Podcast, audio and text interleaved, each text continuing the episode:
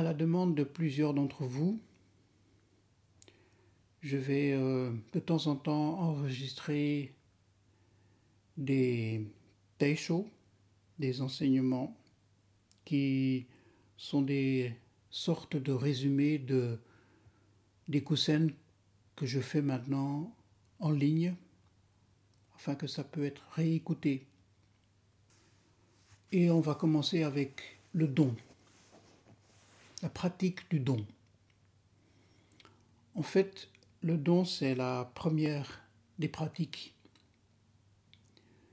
Comme vous le savez, il y a les six paramitas, qui sont les pratiques de base de chaque pratiquant de la voie de Bouddha. Paramita, ça veut dire pratique, mais c'est également aussi un moyen pour aller sur l'autre rive. Voilà. Et donc la première de ces paramitas, c'est dana, le don, la générosité. La deuxième, c'est silla, la vertu, l'éthique,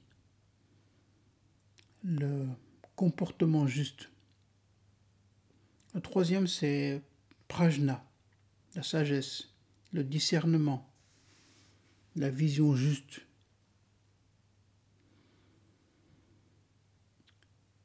Xanti, c'est la patience, la tolérance. La cinquième paramita, Virya, l'énergie, l'effort, l'enthousiasme. Et la sixième, c'est Dhyana, qui est la concentration de l'esprit en zazen. Pourquoi est-ce que le don est la première des pratiques? Mais tout simplement parce que le don, c'est la source même de toute la vie.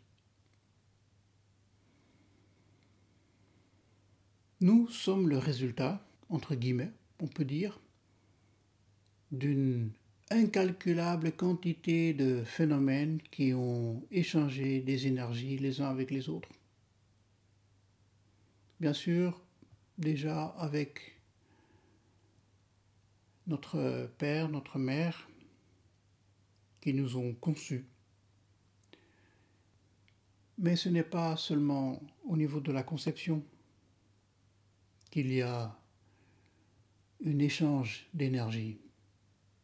C'est à chaque instant que cela se déroule. L'air que l'on respire, la lumière, l'énergie que l'on reçoit par la nourriture, l'eau. S'il n'y avait pas tout cela, mais on ne serait pas, on serait pas là, tout simplement. Donc nous sommes à chaque instant les résultats d'une infinité de phénomènes qui font passer l'énergie de l'un à l'autre. C'est ce qu'on appelle l'interdépendance. Au niveau pratique, la générosité, on peut ressentir ça très fort en zazen. La posture des mains est une posture du don, les mains ouvertes, qui sont tout autre chose qu'une main qui essaye d'agripper les choses ou de les rejeter Les mains ouvertes peuvent tout recevoir et tout faire passer. C'est cela la signification de la posture des mains en zazen. Nous ne sommes pas le but final, la fin de cette chaîne d'interdépendance nous ne sommes qu'une sorte de passeur d'énergie. Ça continue au-delà de nous, au travers de nous, au travers des mains, au travers de notre cœur. C'est pour cela que Mushotoku est tellement important dans notre pratique. Ne pas pratiquer pour les bénéfices pour soi, tout seul, petit, mais avoir cette grandeur d'esprit, cette grandeur de cœur, cette ouverture de cœur, de faire passer l'énergie, de faire passer le dharma. On ne garde pas les choses pour soi. C'est clair. Ce n'est pas que notre pratique n'a pas de mérite. En fait, les mérites sont infinis, sont même incalculables. Mais on ne les garde pas pour soi, parce qu'alors ils perdent leur force de mérite. On fait passer les mérites.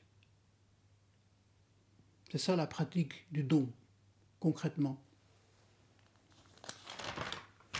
Il y a plein, plein de sortes de dons que l'on peut faire. Un regard, par exemple, qu'on peut échanger avec un, étranger, une personne qu'on ne connaît pas, mais que dans le regard, on ne juge pas, on n'évalue pas, on voit la personne en tant que telle. Il y a, il y a un échange qui se passe et la personne s'en aperçoit. On peut offrir un sourire. Ça fait parfois des miracles.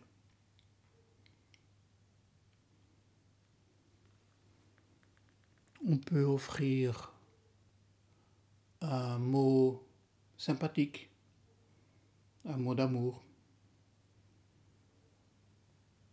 Bien sûr, il y a les dons matériels que l'on peut faire, éventuellement même financiers.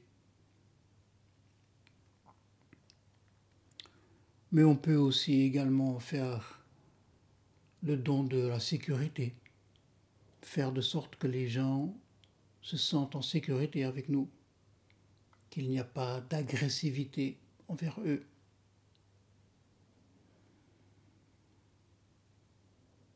on peut aider là où c'est possible.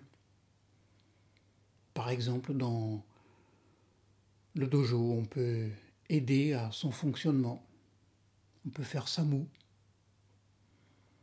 SAMU, c'est pas une corvée, c'est pas un job, c'est pas un truc qui nous embête et qu'on doit faire parce que c'est comme ça. Non, le SAMU, c'est ensemble créer le dojo. Ensemble faire de sorte que la pratique peut se dérouler, peut se réaliser. Donc il y a plein de, de dons possibles. Dans son dernier livre, Roland Reich parle de, du don. Donc dans les 108 lumineuses portes du Dharma, c'est la porte 86. Pratiquez le don car il sauve de l'avidité.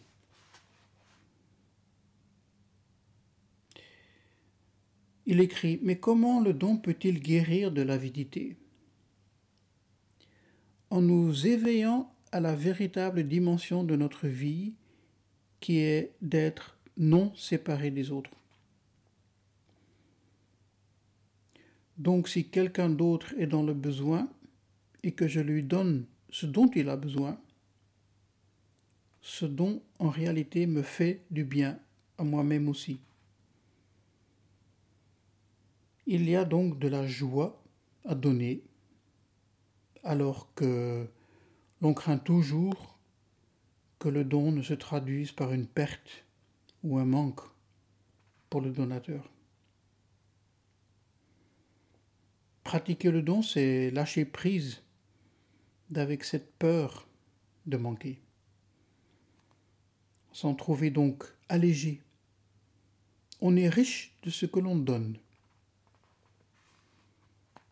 Voilà, page 137. Maître Dogen parle également du don dans le texte Bodhisattva Shishobo. Les quatre attributs de pratique du Bodhisattva. Et le premier de ces attributs, c'est le don.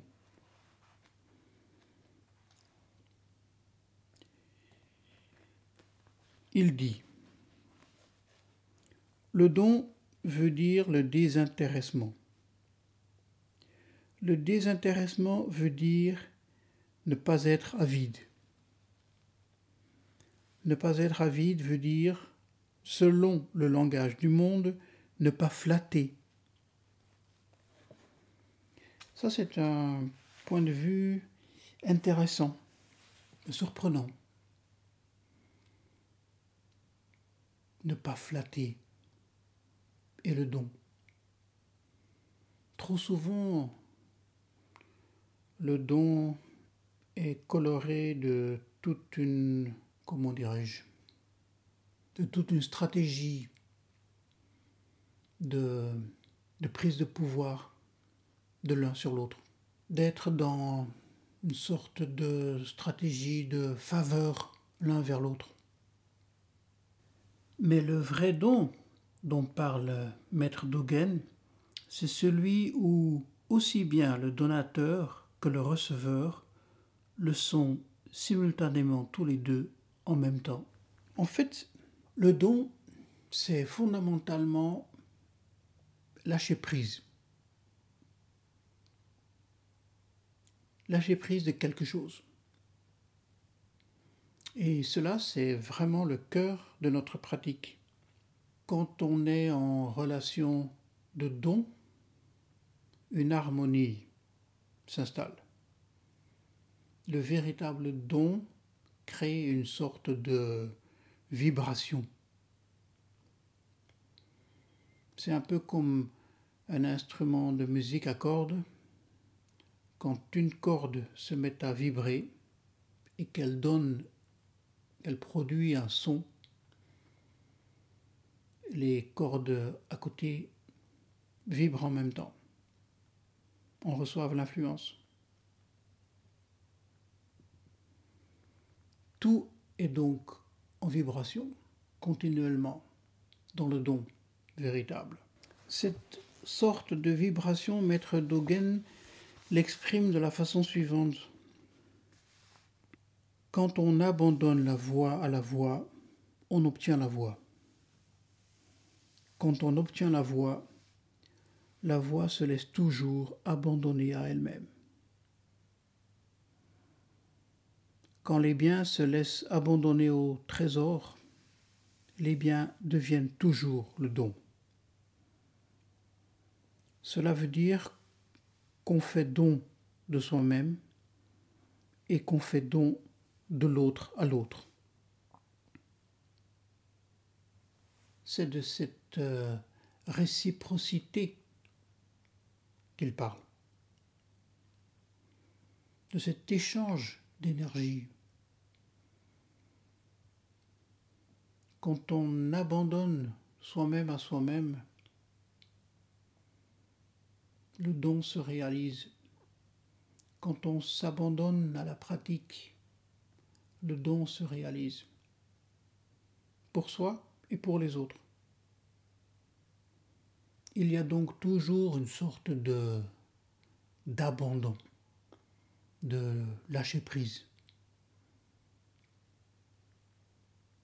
En fait, c'est là où on voit que dans notre pratique, il n'y a vraiment rien à saisir, rien à retenir pour soi. C'est impossible. Et c'est merveilleux. La vie est comme ça. Rien ne nous appartient complètement. C'est magnifique.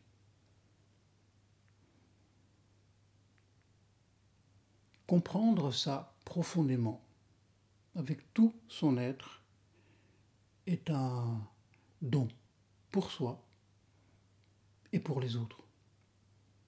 Un immense cadeau. Une dernière phrase de Maître Dogen.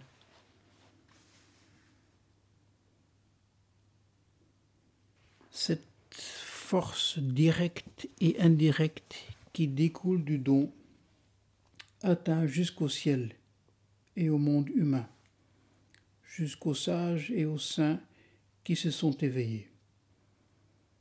C'est parce que le donner, recevoir, le don a déjà créé des liens.